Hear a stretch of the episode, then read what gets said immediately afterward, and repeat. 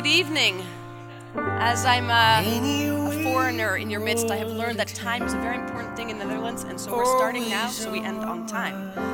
Welcome, everybody, to this evening How to Deal with Our Dutch, our Dutch US colonial past. It's a question of who we are and where we're speaking from tonight. Um, I'd like to first uh, introduce the two people who will be in discussion with the main speaker. So, Katrina Smit, a gender theorist from both the university here, Radboud, and Utrecht. Uh, myself, my name is Anja Topolsky. I'm a political theorist or political philosopher, also from Radboud. And, and our main speaker tonight, who I'm going to invite to the floor so we can get started and stay on time so I get my integration test passed, is Lucas Johnson, a political organizer from the US. The floor is yours.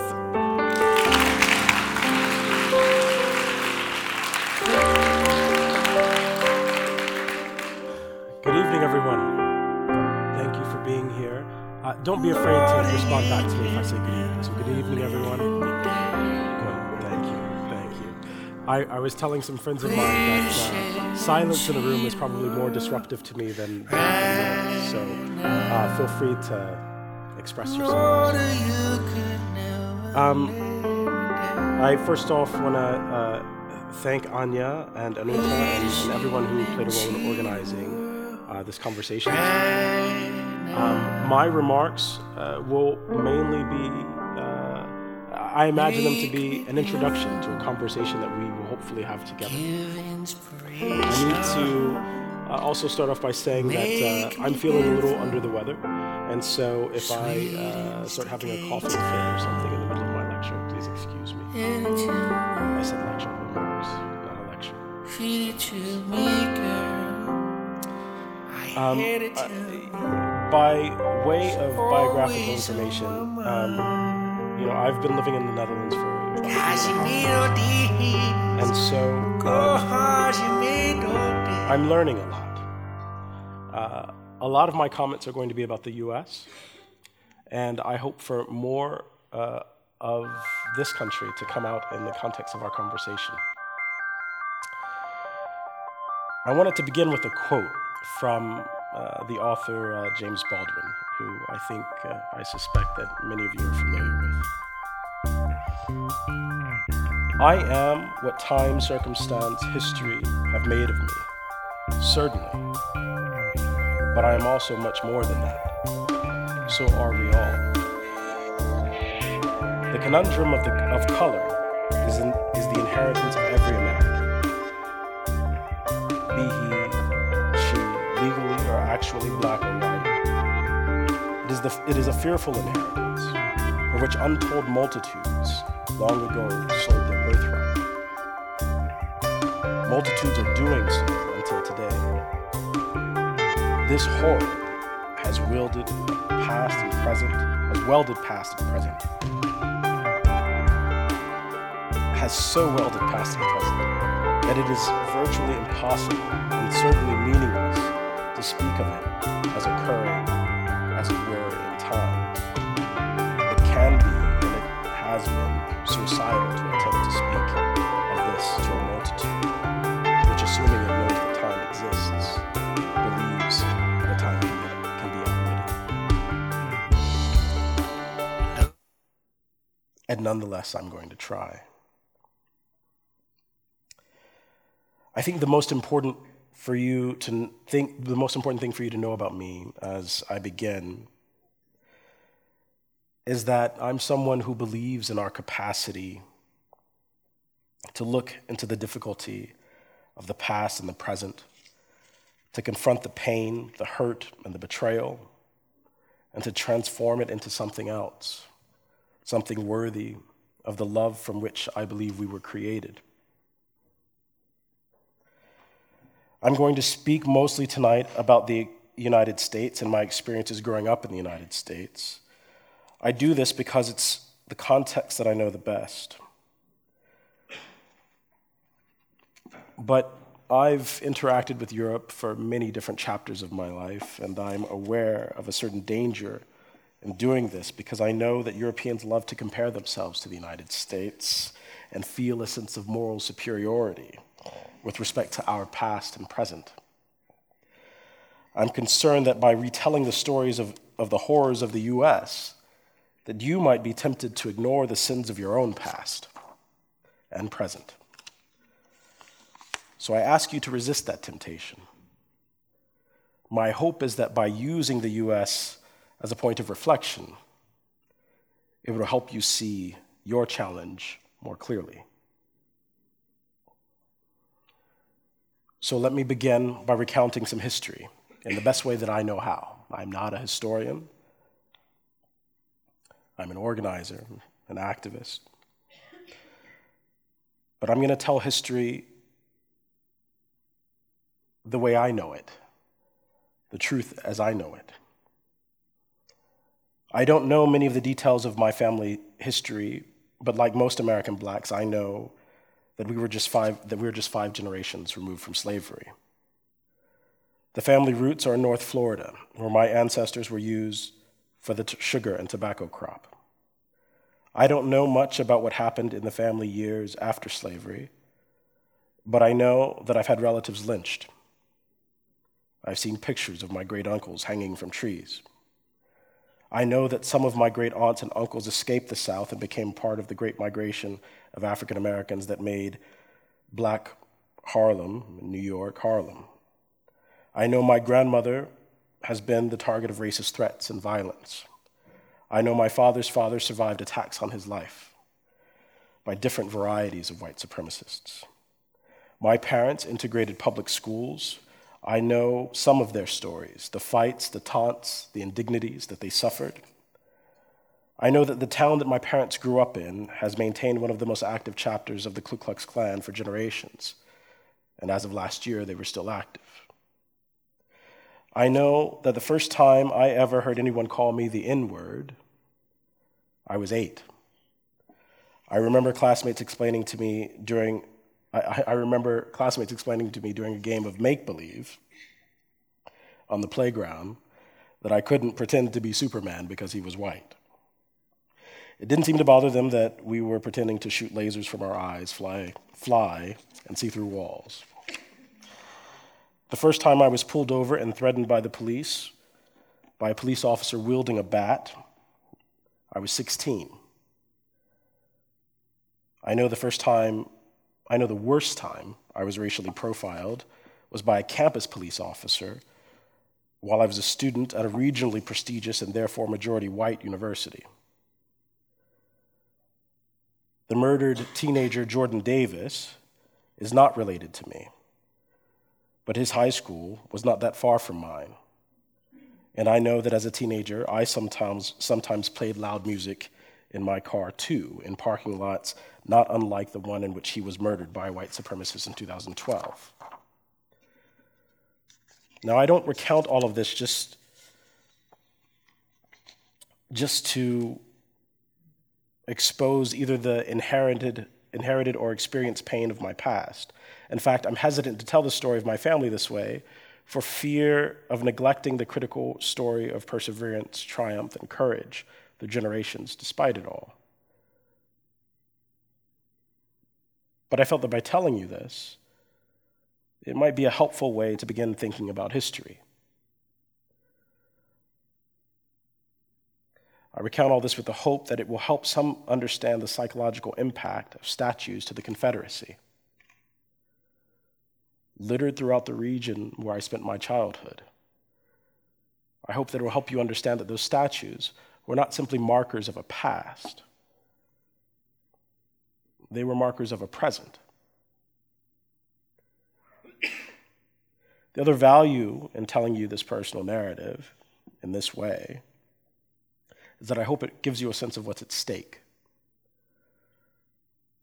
Now, I just had the delightful experience of spending a week uh, with my family in the US um, and playing with my little cousins. Uh, the smallest is, I'm always bad with the age of, of, of little ones, but, but they're, you know, one ish, you know, still in diapers. And then the oldest is almost a teenager. It's clear what's at stake to me uh, in one sense because it's their future. I want the world that they grow up in to be better than the one that I grew up in.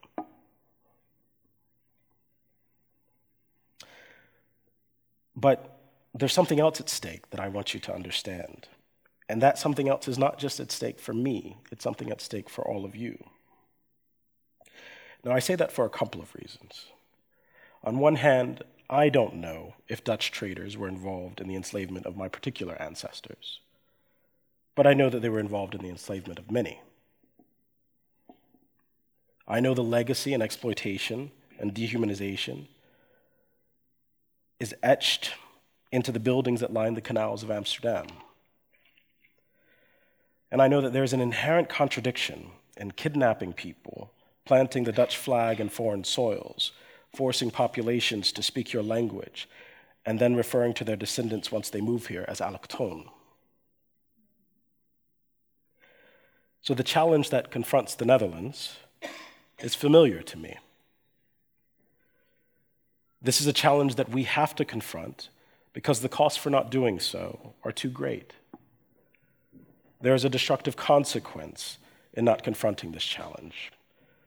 And I believe that consequence is social, psychological, interpersonal, and spiritual.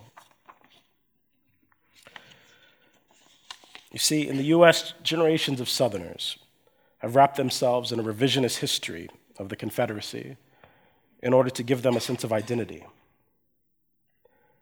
In doing so, they've had to continue, they've had and they continue to sacrifice a part of their humanity. Because to wrap yourself, or for them to wrap themselves, in a past that ignores mine, they have to shut down a part of themselves, a very human part of each of us, that cries out within us when we see something that's wrong. In telling Dutch history in a way that does not acknowledge the horrors of its past, you commit yourself down a similar path of moral, ethical, and spiritual decay.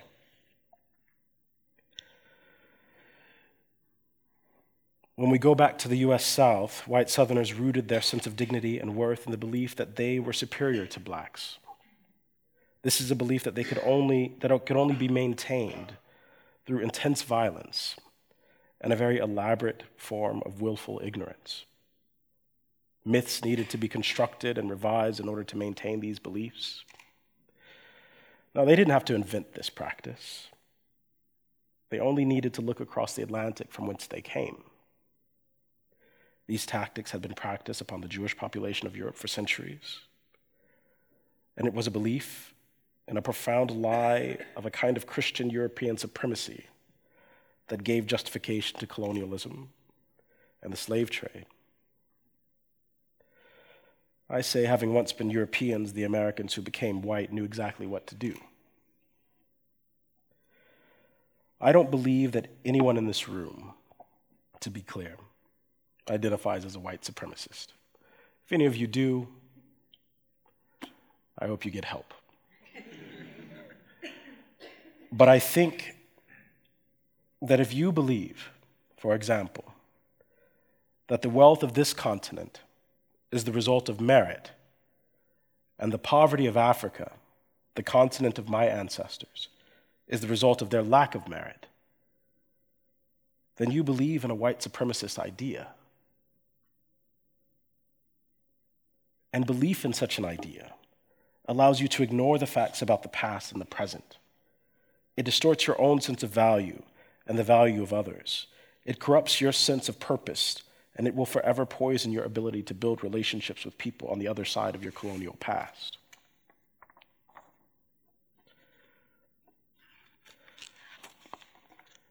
So I'm talking a lot in the abstract, and I want to I want to illustrate my my concern with a story. It's a story from my organizing past in the U.S. I, uh, so I was born in Germany. I lived there until I was eight. Uh, my father was in the US military, and then we moved to coastal Georgia in the United States. And um, that was a a very shocking transition. Um, that's where the Superman incident occurred. Uh, but after going to school in Georgia, going to high school there, and uh, uh, graduating college, at some point I found myself doing community organizing in uh, Middle Georgia, which was an economically depressed part of the state um, in the South. And I was working with uh, an older white gentleman. Let's, let's just say his name was Jan. Um, I want to protect his identity. So I'm working with Jan, and we're, we're building a home. Now, Jan is a, he's a very compassionate man. Um, we're building a home for, for a family in need. And um, we're working on this, this, this home together in the hot Georgia heat. And I'm carrying shingles up a roof. You guys know what shingles are when I say that. Like this, uh, in the US, roofs are, are kind of, the roof of houses are uh, lined with these kind of um, rubber tiles, right? So I'm carrying this thing of rubber tiles up, up, up on this ladder, and this is the moment that Jan decides he wants to talk to me about racism. and Jan says, Jan says to me, he says, Now, Lucas, I just think that blacks and whites need to forgive each other. He said, You know, there's a lot of, a lot of wrong that's happened on both sides. And he said, um, White folks had the Ku Klux Klan, and black folks had the Black Panthers. And uh, I just think we, it's time we forgive each other. Now, I'm very grateful for the laughter that, that I'm hearing because it means that you know how wrong his read of history is, right? Um, just in case someone doesn't. Uh, the Ku Klux Klan is a white terrorist organization that exists to enforce uh, white supremacist structure in the southern states uh, between Reconstruction, uh, which is the period right after the Civil War in 1865, until the present, really. Um, the Black Panthers, on the other hand, were a group of uh, revolutionary minded uh, black uh, organizers and leaders who, in the, uh, in the 60s, were committed to uh, self empowerment and collective self defense. Right? So, very different organizations. Not to mention the fact that this whole false equivalence of like both sides, like blacks had done equal harm to white, it's just, it's, it's a challenge of history, right? But I, am you know, we're on this reef and I'm trying to be, you know, um, patient and, and, and I, you know, I want to help Jan understand. And I say to him, I say, well, Jan, um, I think that one of the things that's necessary for us to forgive each other is to understand history a little better and to understand what happened. Take a clearer look at what happened. He's like, and he, he you know, he's, he's, he's kind of visibly annoyed that I just didn't agree with him. And he said, well, I, why don't you, why don't you just want us to, to, to forgive and move on? And I said, well, because it's hard for us to forgive each other when we don't understand what happened and what we're forgiving each other for. And then he just kind of uh, gets very upset and he says, How many years of welfare and food stamps will it take? So it was a very interesting moment, right? Because it also gave me this idea that, that welfare and food stamps, which the majority of whom benefit from welfare and food stamps are white, but in his mind, I think he thought that that was reparations. It was, it was remarkable. It was a remarkable moment. Um, do I need to explain what, explain what welfare and food stamps are? No? Okay. So I tell this story because I think it illustrates the, let's say, the social, the political, and the interpersonal consequence of our ignorance. Now, needless to say, Don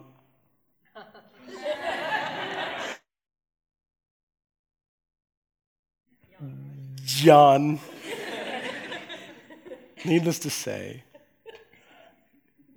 can we edit that? Needless to say, Jan, um, I shouldn't have chosen a name that was so close. Uh, Jan, um, he, he, he, he wanted us to move forward into some, some better future. He wanted us to sort of fast forward. And I, I want to affirm that impulse, right? I wanted to, I want to, I wanted to affirm his, his desire that, uh, that um, he saw something wrong, right? There was, a, there was an initial need to address that something was wrong. So I wanted to affirm that. But at the same time, um, without uh, a reimagining of history for him, a, a, radical reimagining of history, because I think that it, it would have, you know, if, if he actually uh, understood historical events, it would have completely shaken him. Without an accurate realizing of history, I don't, I don't think it would have been possible for us to move beyond, uh, move to the point that he wanted us to go. Needless to say, you know, Jan and I um, uh, vote in different primaries, is the way that we might say that in the US, right? Um, we attend different churches. Um, we go to different social settings and institutions. And the politics that Jan embraces are completely destructive for my life. His ignorance becomes a part of a system that continues to control and impact my life. But it also limits and shrinks and distorts his and his own sense of himself. I want to tell a second story. I'm going to have to change names again. I mentioned a difficult incident of racial profiling. Now, um, you know, I was actually thinking about this incident uh, during your last election here and the whole do normal stuff. Um, you know, so I'm walking uh, home in the evening from school, and you know what you, you know what campuses in the U.S. You probably know what they look like from movies, in the least, right? They're these enclosed spaces, and this is a private school that costs a lot of money to go to. It's a private university, so it's enclosed. It's an enclosed campus, and many of these enclosed campuses uh, have uh, poor black communities around them, you know, all over the country, right? And so there's often this tension between the communities that surround these universities, these prestigious universities, and the universities themselves, right? Um, and uh, and generally, if you are uh, you know, the, the, the way that the, you know, the, the way that racism plays itself out in the United States is, you know, uh, the more successful you become, the wider your surroundings become, right? So, as a successful young black person, I get into this prestigious, region, regionally prestigious school. And, um, and so uh, there was this perception on campus that you know, campus crime um, was more likely to happen from people outside those gates than people inside those gates. Now, facts and statistics didn't bear that out, but that's the way that people felt, right? So I'm walking with one of my friends, a, a, a young white woman, and we're talking about some, some things that were bothering us, I think, at some campus organization, some meeting. Now, the other irony is that I was already elected to the student government. So I was, a, I was kind of an impo- a popular person, a well-known person on campus, right? Just the day I, just the day before I had met the president of the university. None of that mattered in that moment. Because we're walking and it's night, and all of a sudden a police car pulls up in front of us, flash, headlights flashing. Officer gets out of the car, shines his flashlight in my eye, and I don't know if you've ever had a, a police officer do that to you, but you can't see, right? When they shine the, the light in your eye, it's automatically um, disorienting because you you can't see. Like the only thing you can you can try to look around to see what's happening, but with that with that light in, in your eye, you can't see. Um, but he has the light in my eye, and he says to my friend, we're going to call her Jane. Uh, Ma'am, are you okay? And and she's she's shocked, of course. And she says, yeah, I, yes, I'm fine. I'm fine. You know, I, everything's fine. We're just walking and talking. And he seems not to believe her. He's like, Are you sure you're okay? And at this point, another officer is coming out of the car, and he says, um, uh, he says, uh, he probably says boy. I'm not really sure. I don't really remember that. Let's just assume he was more polite and said, Sir, are you a student here? And I said, Well, yes, uh, I am. And then, you know, my, my, my reflexes from, you know, growing up in this environment kick in. And so I start to, I start to call names. I said, and I start to say, uh, Chief Richards, is that you? Chief Richards? Chief Richards? It wasn't Chief Richards, but the fact that I knew the head of campus police's name made them you know, kind of recalibrate. Slowly, the flashlight comes down. Uh, and uh, the incident de escalates. And then they say, uh, you know, something like, y'all be careful out there. And then they drive off. Now, you know, obviously it wasn't that, you know, it wasn't a physically difficult experience. But what made it more miserable, more miserable and memorable, is what I meant to say, uh, was the next day. When I try to describe the, the feeling of what just happened to some of my white classmates. And one of the things that they say to me, well, the police officer you know, it's re- you know, it's reasonable for him to believe that if someone was trespassing, that he would might look like you. And um, you know, you can't really. I mean, you know, the likelihood of the, if he's going to prevent crime, he's got to like be able to make some assessments of uh, who he thinks might, you know, be more likely to do that, and that that assessment would fit your description. And I realized that in this, in this exchange, in this experience, there was this chasm between me and, and these other students that was too wide to bridge.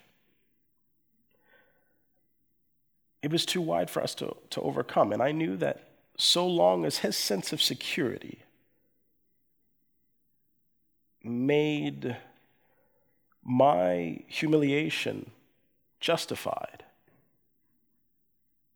we could never really be friends. We could be acquaintances. We could be, I don't know. We could sit in class together. But I tell you that story also because I, am trying to get at, I'm trying to describe both the interpersonal and the social consequence of white supremacy. And I'm trying to do that in a way that um, doesn't just speak about my pain and my suffering, but also speaks about the poison that it causes in the, pain, in the minds of others and what it does to distort interpersonal relationships in the context of community. So I talked a little bit about, you know, white, white Southerners having to believe in this revisionist history and aside from basing one's identity on a lie, which is what this revisionist history encourages one to do, I think another reason why people don't wish to confront the past, either in the United States or here, is because I think that people don't really know what to do with questions of guilt and responsibility. When the subject of colonialism in, in, in Europe, in my experience in Europe, um, which has primarily been in Germany and in France, and uh, only recently here. But uh, it's, it's often that if, if colonialism comes up, then the immediate response is, well, hey, listen, that wasn't me. I can't be responsible for what my grandparents or great grandparents did. And then I often try to explain to them that this isn't really a conversation so much about what your grandparents or great grandparents did. It's a conversation about the fact that, um, well, I mean, it is, but in this sense, you know, your great grandfather participated in a lynching of mine, but then he took my great grandfather's land and passed it on to you as his inheritance. That's the conversation. You're wearing the chain around your neck, the gold emblems around your neck that were stolen from my family. That's the, that's the, that's the conversation that, we, that we're confronting, and that's the difficulty that I think people don't really want to face. At least it's a part of it. Because when we consider this, it's a terrifying thought. It means that the comfort and the success that we enjoy in life may not simply be because of our own merit, our own hard work, or even because of the hard work of our forefathers and foremothers passed down to us. It means that our comfort, our success, may be the product of a historic injustice. And how does anyone live with that? That's difficult. Try to figure out what one does with that fact. I think that's one of the reasons why people want to avoid it. I think that's one of the reasons why people get so, they do these kind of ethical and moral gymnastics to try to avoid that very question of responsibility and guilt. But I don't think we can avoid it. I don't think that we can talk around it and hope to move to something better, something quicker. To talk around it is to do what Jan was trying to do. Why can't we just forgive each other?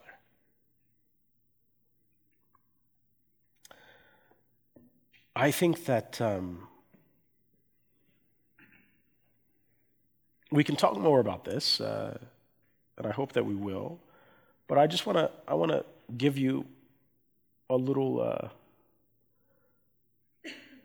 I don't know if it's advice or a little bit about my, my belief about what happens when you make the decision to confront this. And I'm not sure that I've convinced anyone that uh, one should make that decision. But the first step, if you are going to make that decision, I think, is to acknowledge the past to seek, seek opportunities to redress, to repair. And I think this is hard and courageous work. And I know that as one becomes aware of the past, one becomes more acutely aware of the present. It, it, it, it changes things. It changes your sense of perception when you realize that the world just isn't as you thought it was. It's sort of like, you know, after having lived here and I, I um, go back to New York uh, for the first time in a long time, all of a sudden I, I see in a different way that Brooklyn is Brooklyn and Harlem is Harlem. And, I, and I'm thinking to myself, what? what I, how come I didn't see this before? How come I didn't know this before? It changes things, it changes your sense of, of reality.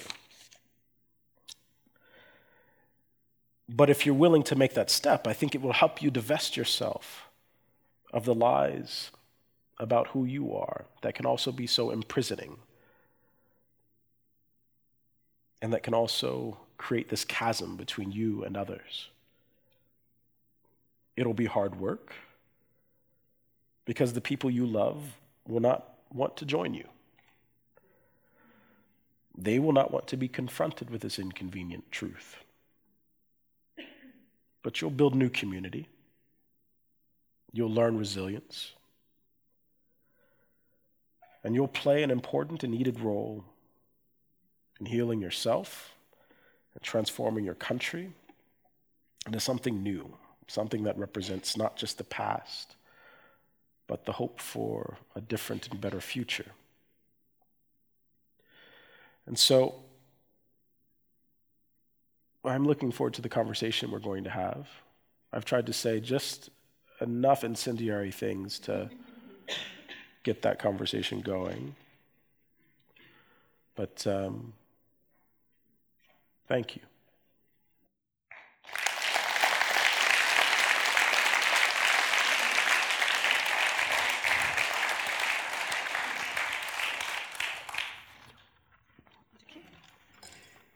All right, Lucas.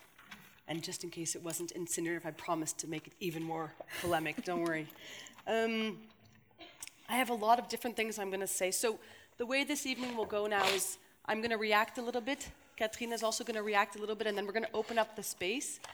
I like to read people's body language, so try to react. Show us if you have questions. Try to express in a way that I can read, so I really know how quickly to turn to the room. Don't throw anything. Uh, or you could throw it. Could, could the lighting people? I can't see anybody. I feel like a little bit like in your story. I can't see. Yeah, I'm sort of. Okay. Um, I'm gonna I'm gonna actually work a little bit backwards, starting with what you said um, about you know struggling through and learning history, um, and about how it changes your perception. Um, I think there's two first thoughts I want to share with you. Maybe first, one of those really funny stories. Um, so, just to share a little bit with the people who don't know me, um, uh, I am uh, Polish, Jewish, Canadian. Um, and if I was to tell my family story and connect it to European history, it would connect to the Shoah and the camps um, and survivors. Um, and I think it's important to say when we talk about learning histories, the histories we learn also depend upon where we stand in that history. Um, and there's a lot of different binaries. Um, I think we speak about binary often in terms of gender, but also there's a binary in terms of color, in terms of religion. Um, and when you're not on the side of the vast majority, in which case here in the Netherlands would be white, uh, Dutch, Christian, different kinds of Christian, post Christian, um, secular, which I would argue is still pretty Christian. Um, but uh, I think it's important to recognize you see history differently, you experience it differently, you live it differently. Um, again, it's always dangerous to focus on other places, but in my particular history, I was raised with a story about Israel and about uh, what Israel did and, and what it did for the Jewish people. When I went there for the first time and met Palestinians and discovered what happened, it changed my history. It woke me up, it made me realize and understand um, what let's say, white illusion I was living or what Jewish privilege I was living. Um, but it changed my history so much that when I was flying back to Canada, I was on the airplane, El Al. Unfortunately, when I bought my ticket, I didn't realize I'd be paying, supporting the government. I walked to the toilet bathroom, and the sign said, occupied. And I thought, oh my God, are you kidding me? They even occupy the toilets? yeah. But it does. You start to see it. The point of the story is to say, you start to see it. Once you actually learn some history, meet people, talk to people outside of your pillar, because this Dutch society is still pillarized. You might not see it, but I see it as a Canadian. It's very, very separate. Once you step out of your pillar, you see the different stories. And I think that's what you were asking for at the end. Step out of the comfort zone, try to, to see the different histories, listen to the histories. Um, so that's maybe just one first thought. Um, then, connecting it, um, I won't make a gendered remark about not knowing how old the little ones are, but um, my eldest child. um, They're adorable. yeah, especially mine, if anybody wants to babysit. Um, but uh, so, so my eldest is, um, I live in Belgium. My eldest is in the sixth grade, and um, they learned about, for the first two months, World War I, and then since the winter, the, the fall break, about World War II. What is really disturbing was that the teacher came to me knowing that my children were Jewish, spent a lot of time and care about how is your son going to be when we talk about the camps, we talk about the Shoah, we talk about what happened to Jews. No care was put talking about the First World War when, for the first time, they discussed the colonial history. There are black children in the class, and they just refer to the colonies as the Belgian helpers. And be careful to the Dutch who like to point at the Belgians and, you know, okay, because it's shocking there, but it's shocking here also, the ignorance taught at school. Um, but what really disturbs me, and actually the question I want to bring up and the discussion I want to throw into the space was I find it very problematic the way that histories and memories are shared to the younger generation.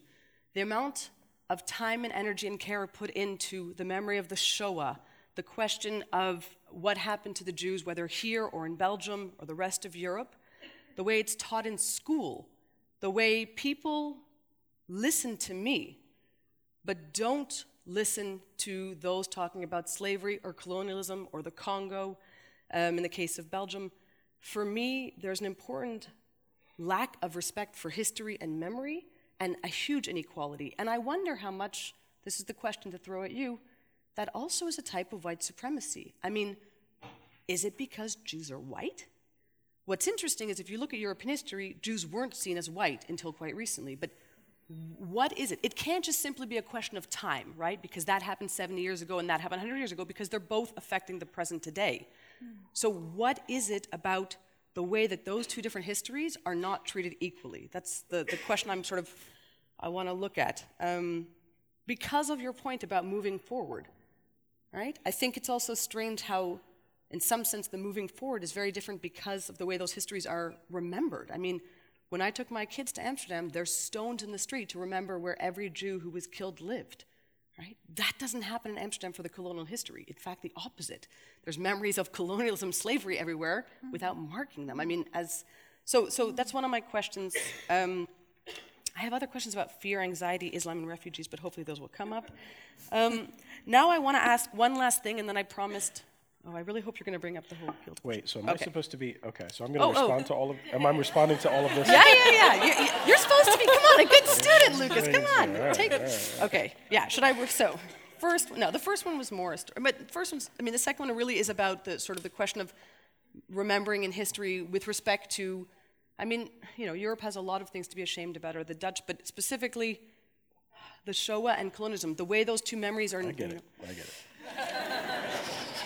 It's hard. I can't turn the teacher off or the mother. okay, but um, and now I'm going to heat it up.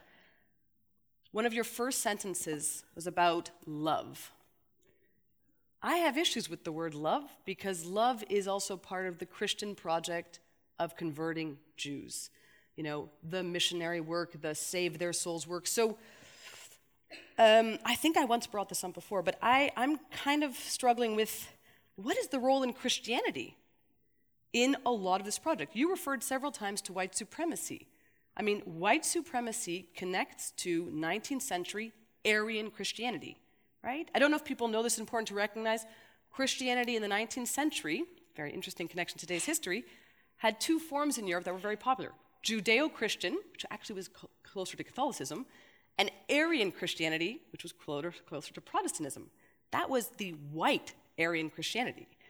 Um, so for me, when we're talking about white supremacy, there's a space and important role there for Christianity's history, mm-hmm. um, which is also why the word love, which is really a word almost that was used, you know, to do some horrific things to non-Christians, specifically mm. Jews and Muslims. Um, I kind of want to ask you a little bit more about what's the role of Christianity in this story, um, and I'll stop because I think you have some great questions. But yeah, I'll stop now. Yeah. I mean, yeah. am I responding or am yes, I? Yes, I think you're responding. Better, yeah. I think you should respond. Okay. Yeah. Thank you. Um,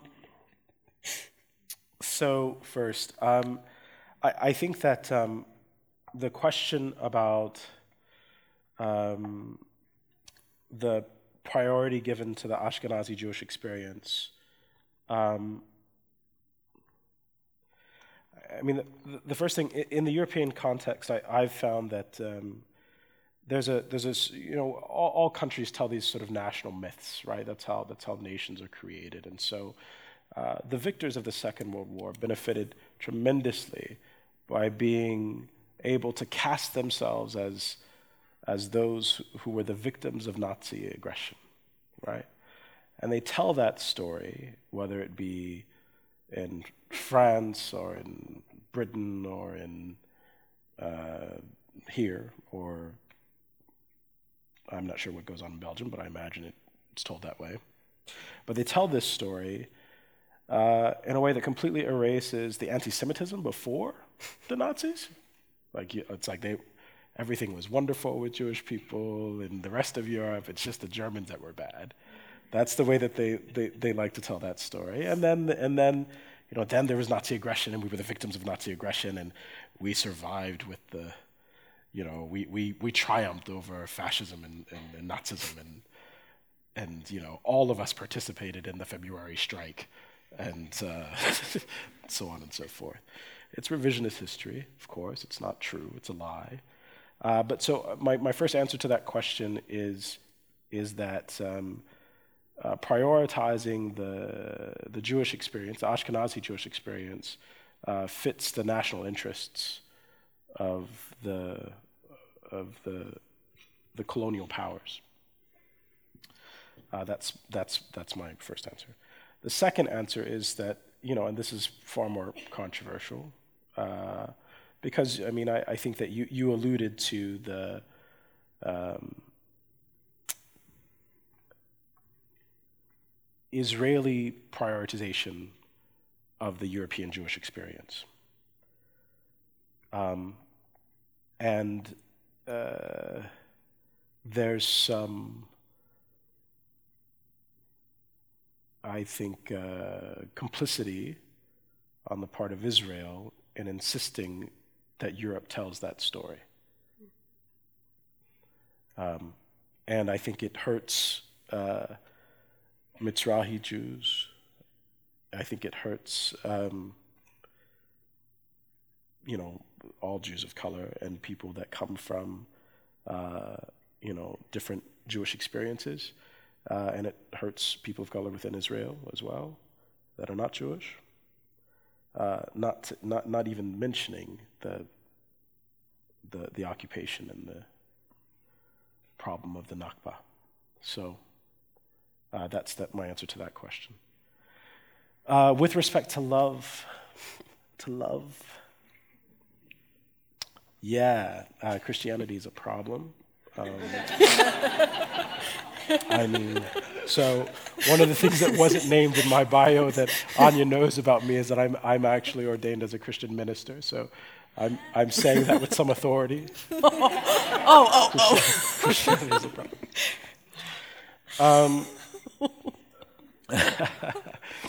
um, I think that, uh, yeah, I mean, uh, racism, white supremacy, uh, always um, uh, found uh, a home within, I mean, I always found a sort of religious expression.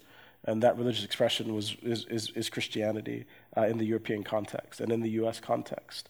Um, and uh, I mean, you know, there's so much to be said about this, and I, you know, I don't. Um, I'm trying to choose uh, what to say concisely, but um, because you're talking about both like the anti-Semitism of Christianity, the problem of the use of the, way, the language of love in order to to uh, exploit and colonize and um, uh, dehumanize people. I mean, you know, the, if you read the, any of the the conversations between, say, uh, the Iberian powers, uh, the powers from the Iberian Peninsula and the, and the, the Catholic Church and a few dissenters like, uh, who was it, Bartol- Bartolomeu de las Casas, oh, yeah. I think. Uh, you see this, this discourse playing out uh, around, you know, whether or not uh, it was their Christian duty to uh, to convert uh, the, the Native Americans, the First Nations peoples of the Americas, uh, and once they were converted, now that they were afforded a certain Christianity, uh, would they be therefore guaranteed a certain certain rights and dignity? And so I think that part of the part of the way that you have to kind of read all of this was this relationship to Christian Christianity being one's entrance into society in, in the European context. And so, of course, all of that ties back into uh, uh, anti Semitism and the history of, of, of exclusion. And Islamophobia. Uh, and Islamophobia. Yeah. Uh, yes, particularly when we're talking about the Iberian Peninsula, it's hard to talk about all chapters of history together, right? So. Yeah, no, um, just I'm bringing it up because I think that's something that touches this context very much today. Whereas yeah. anti-Semitism is yeah. less of an issue that's obvious every day on the streets here. Yeah, yeah.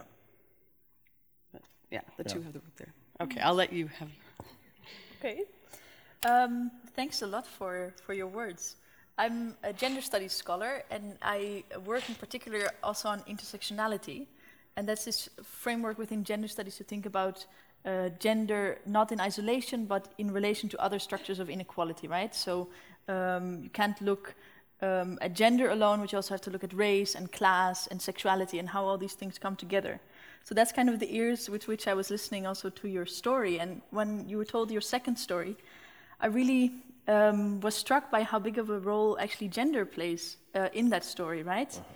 Uh-huh. Um, it's about race, but it's also about gender in the sense that you were with a white woman and there was this perceived threat uh, towards this white woman, your friend, uh-huh. and which the police officers were, um, yeah, using um, in this moment to to accuse you. And I thought about that as also very um, persistent kind of historical trope, right? The who is um, who is a threat and who is um, a victim, or who is um, in need of protection from whom, kind of. Mm-hmm. So I was curious if you could, um, yeah, comment also on that dimension of gender and, and I guess also class in the sense that this happens on this uh, university campus, this elite space, where some bodies are seen as uh, intruders or outsiders and other bodies kind of don't stand out. Um, so the class dimensions and the gender dimensions of that story that really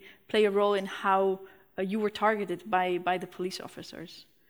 Um, maybe there's a second topic I wanted to bring, mm-hmm. and I'll, I'll do it uh, now, um, which is well, you talked about willful ignorance, this kind of. In Dutch is this expression uh, hakken in het zand, zeg maar, kind of you mm-hmm. know something's up, but you're kind of resisting to that. That's it's not just ignorance; it's willful ignorance. And I wondered um, how that term for you is connected to um, the idea of white innocence, which has been a lot in the public debate, mm, of course, here, because of Gloria Wekker's work, uh-huh. who says um, Dutch kind of mentality around race is really structured through this claim to ignorance, this position of white innocence um, that kind of um, makes it so hard to bring this topic up.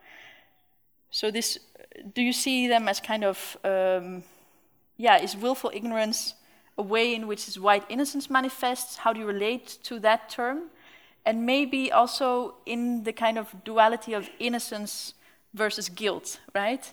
Because I think what happens a lot when we talk about white innocence is that people um, resist to it because claiming innocence um, or saying that the innocence is wrong would be to, to kind of the, the counterpoint of that is guilt, right? And you brought that point very forcefully um, that it is about recognizing, um, yeah, taking responsibility for um, a historical um, sin. I think you also used that term. And I wondered about the relation also between um, kind of personal level of guilt and responsibility and a kind of structural level of that, and how literal uh, we should take um, how literally we should take that. Because if indeed many people would distance from it and say, but my family, but my parents were not part of all this. Mm-hmm. And I would say that even if that is true, even if it, you can trace your family history and say, my grandparents didn't do that, um, there's still a responsibility on a structural level of being a product of, um, of that society and by virtue of things that you cannot do something about, your skin color, still, in that sense, being implicated in it, even when it's not a guilt on this kind of family history, you can point to the, you can still point to that kind of uh, guilt on a structural level. Maybe, yeah. how is that relation between the personal and the structural? Okay. Okay. Well, um, I like how short and simple the questions.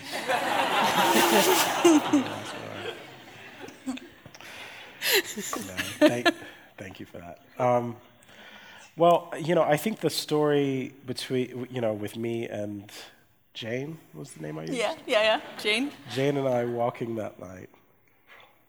Um, yeah, I mean, you know, racism is always, uh, particularly in the U.S. context, but I think also, you know, globally, you know, the invention of race always had a sexualized element, right? Yeah. Uh, always, uh, you know, part of the way that we were dehumanized uh, was by describing us as sort of sexual beasts, um, and uh, and that uh, you know, an, an, emphasis exaggerating our you know sexual sexual desire, exaggerating sexual features. Um, that's always been a, a part of uh, the experience of racism uh, globally and in the United States. It was a part of the colonial project uh, for all of the colonial powers, and it was also a part of uh, the segregationist context in the U.S. Um, and you know, many you know the most common assault that uh, black men were lynched for yeah. uh, was a crime called reckless eyeballing, which just meant that you looked at a white woman uh, inappropriately, and that could cost you your life. It you know cost uh, Medgar Evers his life. Um, and so you know there's a long history of that, um, and it it was I think one of the one of the problems of it, what, that you see in this um, context is that it also reinforces a kind of patriarchal and sexist uh, structure within within the dominant culture, right? Yeah. Because there's this notion that Jane yeah. belonged to them, mm-hmm. um, and that uh, that Jane needed to be, you know, that Jane didn't have agency in that context to really know what Jane was doing, right? Mm-hmm. Um, and so, you know, these systems kind of uh, work with each other, work in tandem. Um, I think that, um, yeah, there's more to be said about that, and we can we can dive more into it. I think the conversation about uh, willful ignorance and uh, Gloria Wekker's uh, work uh, around white innocence um, yeah, I mean, I, I think that I, I am speaking to, to some of the same things, to some of the same concerns. Mm. Um, I think that, you know, my experience, I mean, uh, Dr. Wekker knows the Dutch context better than I do, so she, she speaks more clearly uh, to this experience in this, in this uh, environment. Um, but um, I'll say that from my experience in having these conversations, you know, um, look, I, you know, when I first moved here, uh, I was a I was kind of a a good expat. I was sort of a model expat, you know. I you know I gave some Dutch person a lot of money to rent a house. I uh, I um, I learned a little bit of Dutch, right? I was, you know, going to bottles and things, um, and I be- and I began to, you know, but just by being here, I mean, you know, I'm, I'm black everywhere I go, so I start to notice some things, start to have some conversations, and I start to ask questions, particularly around this time of year. and uh, I, you know, I start to, you know, I ask, I say, um, what?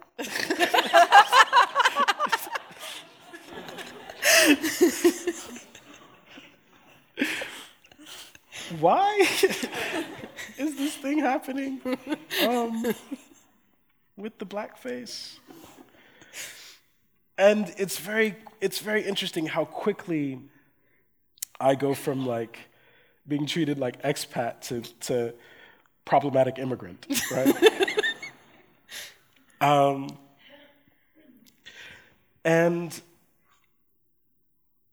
you know, I think that uh, one of the things that immediately, you know, uh, happens in, in, in the course of those conversations is that people want to tell me about the innocence of their childhood and how, you know, and how this was this beloved tradition that they celebrated in innocence. And, um, and then if I, you know, start to, you know, uh, bring up some concerns or repeat the concerns of, of, of, friends that I had made, of black friends that I had made here that were, uh, that grew up here, uh, they would say, well, um, this is not the United States. Mm. We don't have your history with racism.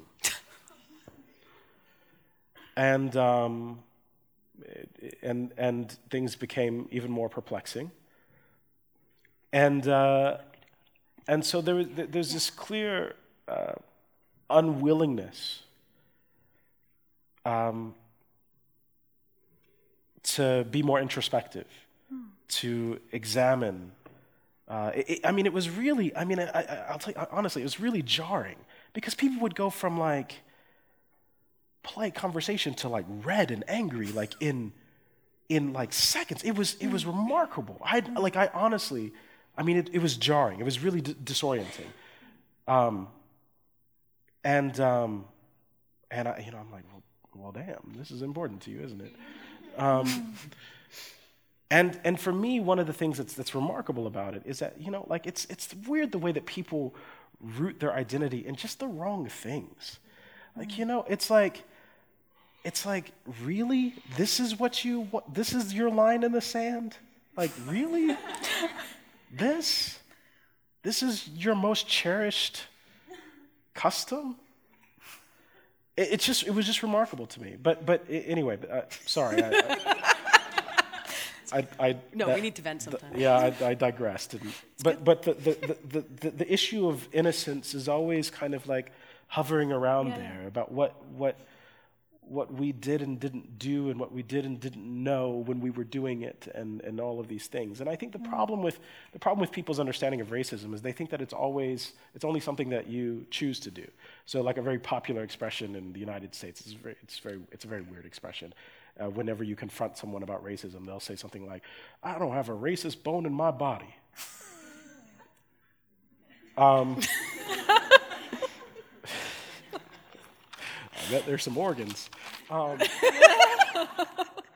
I, you know, I, and, and, and one of the things that, that, that, that reflects, um, one of the things that that speaks to me uh, about is this, this sense that people believe that racism is something that you have to, have to uh, knowingly choose to participate in, right?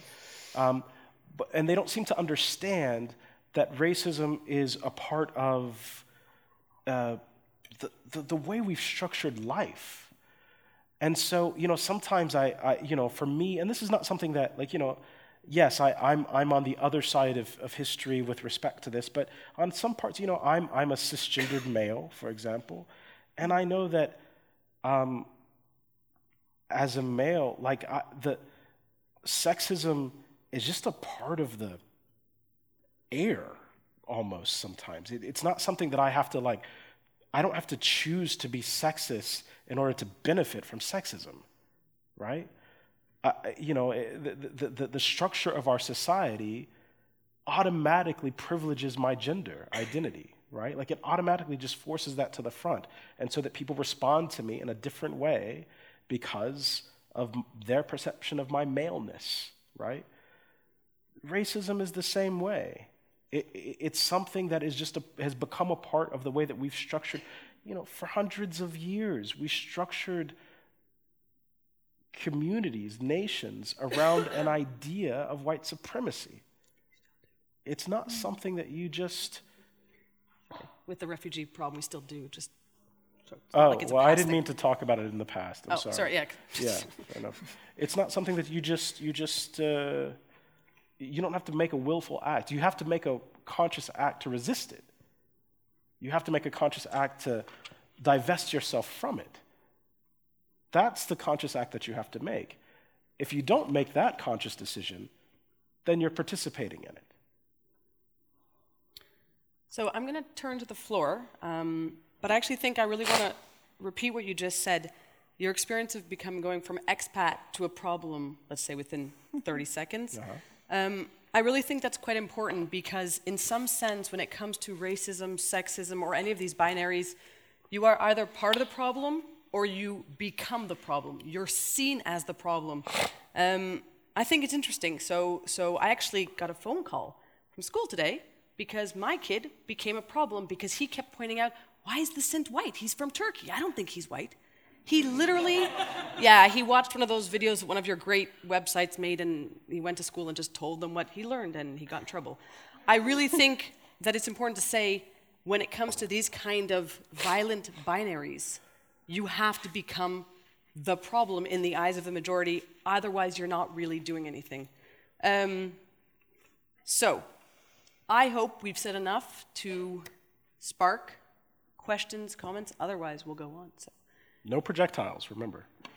right here. Is there a microphone? Yes. Except I don't like the fact that, of course, it's a woman carrying the microphone. Okay. So typical. Right? Yeah. Maybe if you co- oh, oh that. Can other that people put too. up their hands so I can already start seeing stuff? Yeah. Okay. See there. Yeah. Just kind of keep your hands up if you don't mind. yeah. It's just very hard to see. Go ahead. Yeah. Um, hi. Is it? It's on, that- so I think they'll they'll turn up the volume as you Oh, okay. speak.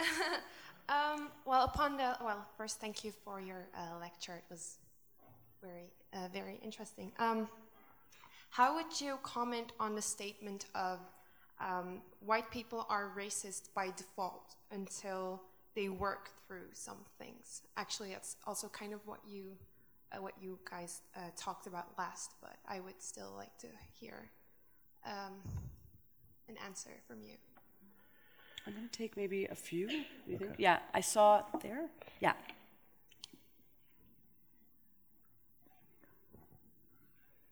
Oh yeah, yeah. You can. That's great. Collect. That's good. Organize yourself. Yes. Sweet. Samenwerking. Um, yeah, so, so thank you for your lecture and for all of your questions. Uh, I response can't to tell where Um, the voice is was coming from. also, oh, sorry. Yeah, I know. I know. It's like disembodied voices. I know. It's like, Yes, thank you, thank you, thank you, thank you. Um, so when people get really ardent about the Black Pete thing, how do you respond to that? Because I don't know how to do that. I had a, I, our secretary at work, she's passionate about it. And I just don't know what to do other than just sit there and it's like, okay, well, um, you're entitled to your opinion. Because I don't know how to respond without being the aggressive workplace social justice warrior. And I don't want to have that sticker on me as the troublemaker all the time. because it's not easy. That's Because I don't want the secretary to hate me. she still has to do stuff for me in order for me to function in the workplace. Yeah, or, or the computer technician, because you all know who's in which camp. Remember take- aliases. Don't use real names. Yeah. Teasing. And a third one here, and then we'll take some more. But yeah. Uh, Hi, thank you for your remarks as well. Um, I was reminded by what you said about being an expat of another black American friend of mine who lives in Budapest. So for him, he actually, we had this really interesting talk about being black in America, in, um, in Oregon to be specific, so a very white state. Um, and comparing that to the experience in Budapest, which is also very white, and he stands out very much, but also for a different reason, like language barriers and so on. So his um, insights were that he actually felt more affected by racism in the US because in Budapest, while he was treated as a stranger, he actually was a stranger, he's an expat. But in the US, he is treated, or he said that he was treated like a stranger even though he's not. He's born and raised in Portland. So I was kind of hoping that you could comment on um, feel, yeah, how racism affects you differently in different contexts. Okay. Yeah, yeah, we're, go Yeah. ahead. We're going to take three in now. Okay, so um, the idea that white people are racist by default. Um, I can't remember where where were you? Yeah, thank you. Um, I mean, I think that you know, I mean, in terms of a you know strategy or, or, or rhetorical tool, I think it might be uh, useful. You know, um, I don't know if it's the the, the most effective, um, in part because um, you know when we deal with I mean, part of the, part of the challenge I think that we face is that you know whiteness is a construct, right? And and there's this there's this challenge when we're when we're kind of essentializing constructs, right? When we're when we're talking about people in a way that makes an identity inescapable. Um, and and there's this tension between doing that and and describing behavior that uh, not just behavior, but like but a, a very real social uh, construct that is inescapable, right? So there's this tension that we live within, and so I, am always trying to find ways to speak that. Uh, um, that kind of honor and, and, and maybe move within that tension. Um, and so, uh, but, but but that doesn't that doesn't make that statement I think wrong. I mean, I I prefer to talk about uh, white whiteness or, or, I prefer to talk about racism, uh, particularly as a as a sickness. Mm. Um, you know, Andrew Young, who was uh, uh, who I've had the opportunity to learn from on a couple of occasions. He was uh, Dr. King, one of one of the people that worked with Dr. King. Um, you know, he talked about how his father described racism as a sickness, and he, he would always remind uh, the kids and his, you know, his children and say, you know, when you when a person is sick, you you know you know you're not you're not mad at them. You just want them to be mm-hmm. well. You want them to be better. And yes, maybe some people need to be quarantined and stuff like that. but you know, but but but my point is my point is more about the uh, you know that I, I think that um, I want to speak about this in ways that that cre- that leaves open people's humanity uh, and their capacity for transformation and change. Um, and that, and you know, so that feels uh, too static for me.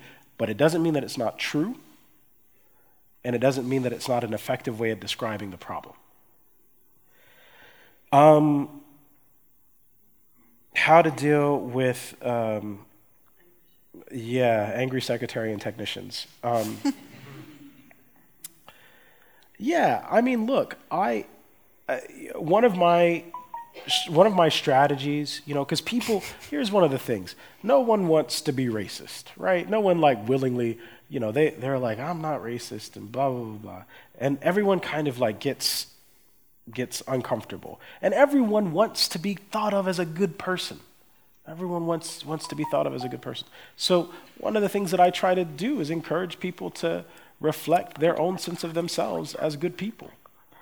And so some, sometimes I say, look, if you, if, if you, uh, what you're doing doesn't reflect the best sense of yourself. It doesn't reflect what you want me to think of you. Um, that's one of my ways for having that conversation. Um, and one of my ways for one of my ways of confronting people about it, uh, I, I'm also fine with just saying, "Stop." That's like I, you know, this this is this isn't this isn't really a conversation. You either accept the facts, right? This is not a, a time cherished custom in the Netherlands. This this this this started happening in a particular period of time. It has a particular history. You either accept that or you don't. Like, you know, when, you know, the, and, and the, you know, the other problem, the other violence that ha- happens is people often sort of use these rhetorical devices where they describe a we. They say, you know, we, we Dutch people, we, you know, we Nederlanders, like we, they, they, they, they want to speak in a way that excludes a huge portion of the population. And I don't allow them to do that. So it's either all of us or or you know this, this speaking in a way that privileges your experience apart from mine or makes your experience a more entitled position is not something that's acceptable for me. So, you know, I think uh, th- those are the way that I have those conversations. But it takes courage, and it is uncomfortable, and it is difficult. Uh, but I think you got to do it. And I think that the way to not, I mean, yeah, you may, you may end up being uh, ridiculed or identified as the social justice warrior. Uh, that's, a, that's a, I think, a, consequences that you, a consequence that you may have to just embrace. And, um, but I understand the, the real impact of that in where you work, like in the fact that you know people need people have jobs, people need jobs, they need to keep their jobs. I get that. Um, but if it's difficult for you, think about who else it might be difficult for, mm-hmm. right? And make allies. Um, that's the only thing I can say. Oh, there was a third, uh, Budapest. Um, yeah, I've been there. Um, I think that uh, generally speaking, uh, yes, my experience, you know, there's there's these different layers of you know privilege and and you know dynamics. You know, when I uh, I've been in uh, in situations in, in in Spain, for example, um, where before people know what passport I carry, they treat me one way when they hear my accent or figure out what passport I carry, they treat me a very different way, right? Um, and that's very uncomfortable for me. You know, I'm a Pan Africanist, so I say, no, you're right, I'm African. So if you're going to treat me like shit, then treat me like shit. Hmm. Um,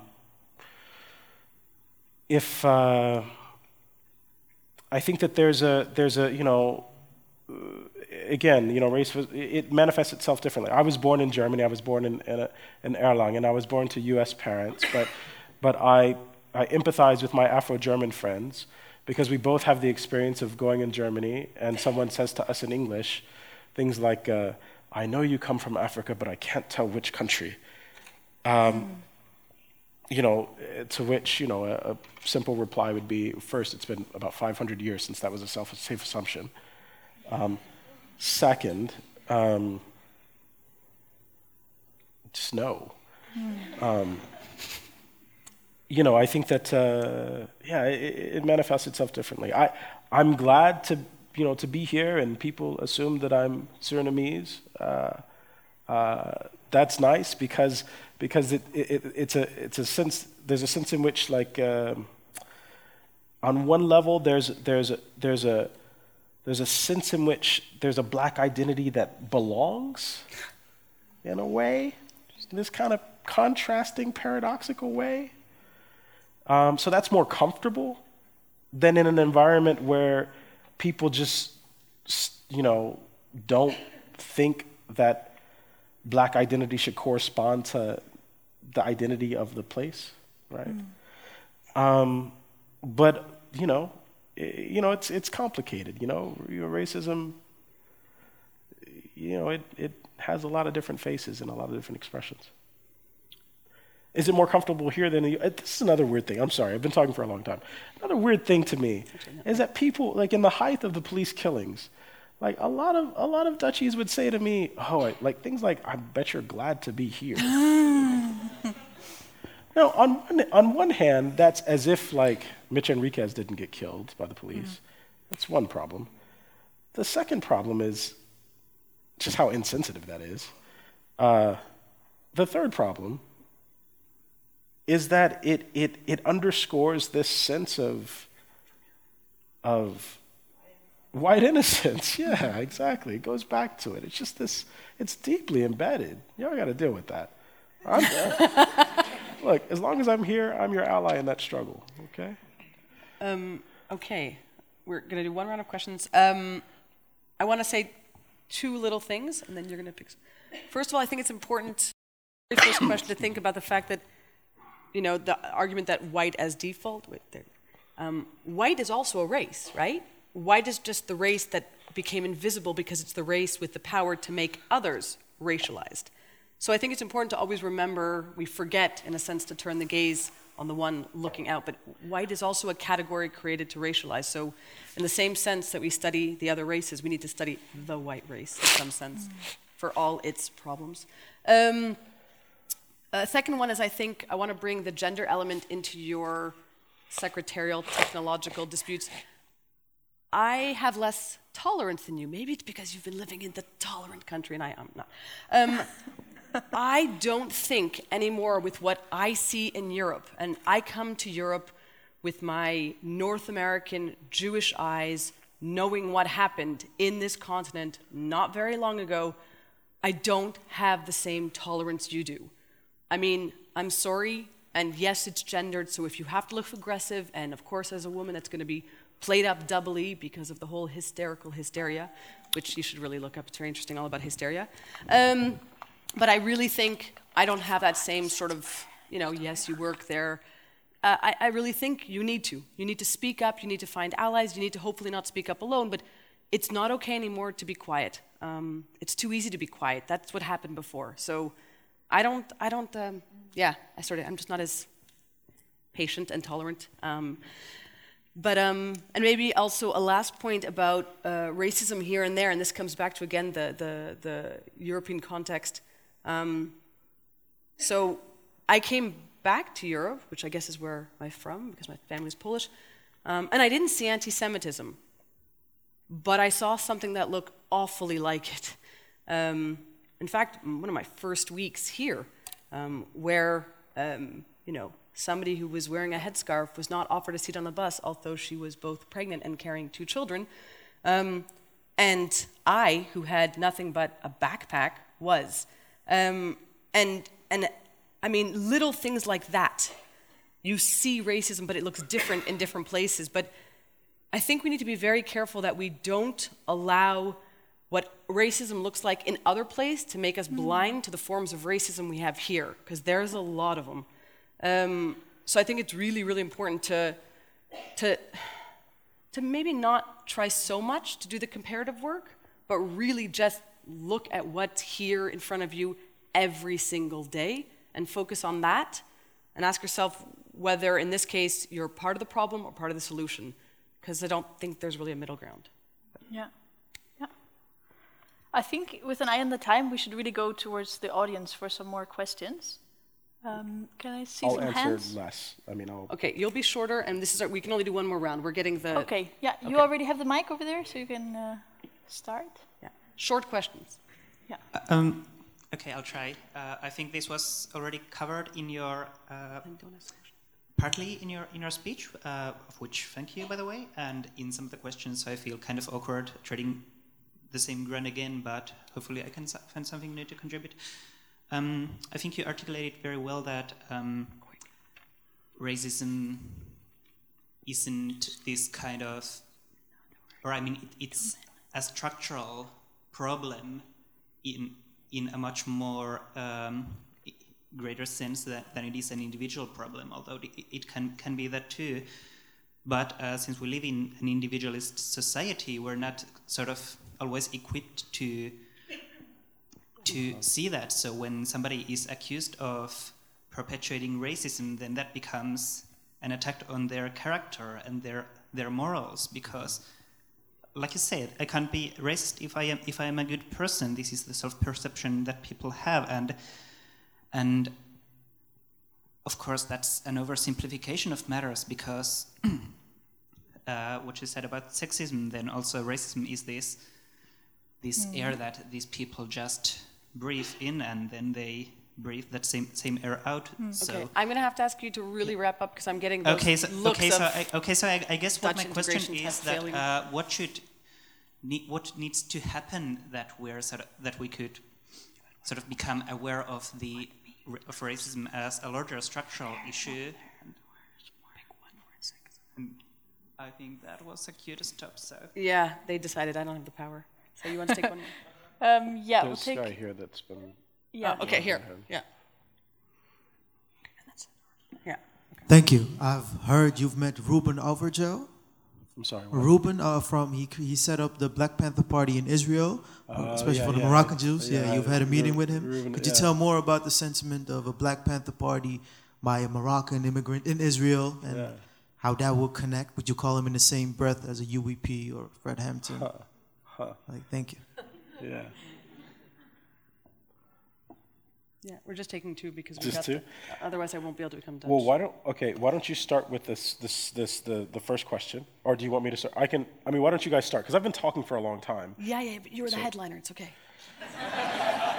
All right. Well, so I'll try to be brief. Um, yeah, I think the problem. Yeah, the very individualized societies that we live in, you know, encourage a kind of. Uh, uh, disconnect uh, and, a, and a lack of a, anal- analysis around our collective actions. And that's also a particular problem of the way whiteness and white supremacy manifests itself, right? Because, you know, for me, I know that if I, if I act in a certain way, my actions are going to more likely be, gr- be, be viewed as the actions of a group, the group that I represent.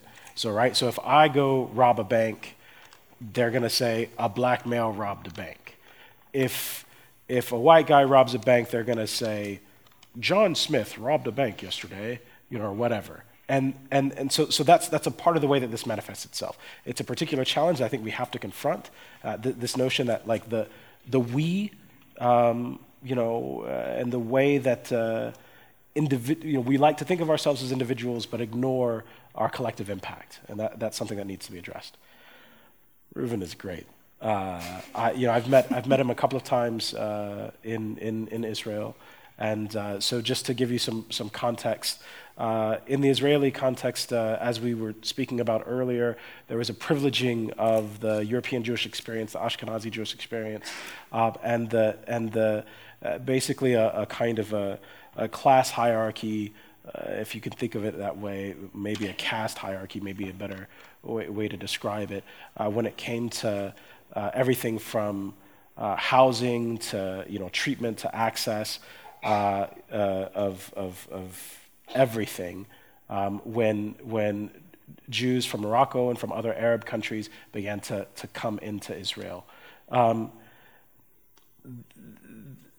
Mizrahi Jews, like Reuven, were placed uh, sort of uh, in, in danger zones, right? Like, uh, you know, where they were the most likely to be killed uh, during the war. They were placed, um, they, were, they, were, they were experimented upon um, uh, with like, you know, chemical and biological like agents and so on and so forth. They were really horribly mistreated.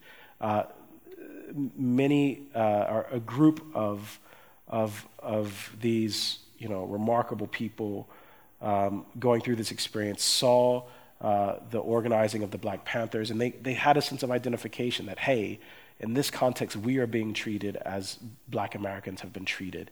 And, and we can look to, to that model of organizing um, and identify ourselves as black. And I think for, for Reuven's particular um, perspective, I think it's also, you know, this is a whole nother conversation about Moroccan identity and, and how, you know, whether or not like, like Morocco Moroccan identity's relationship to African identity, right? And so for Reuven to, you know, to lead a, a movement to claim, you know, Black Panther identity and, you know, our Black Panther connection and to, for them to call themselves the Israeli Black Panthers was a very radical and powerful thing. And I have tremendous respect for them.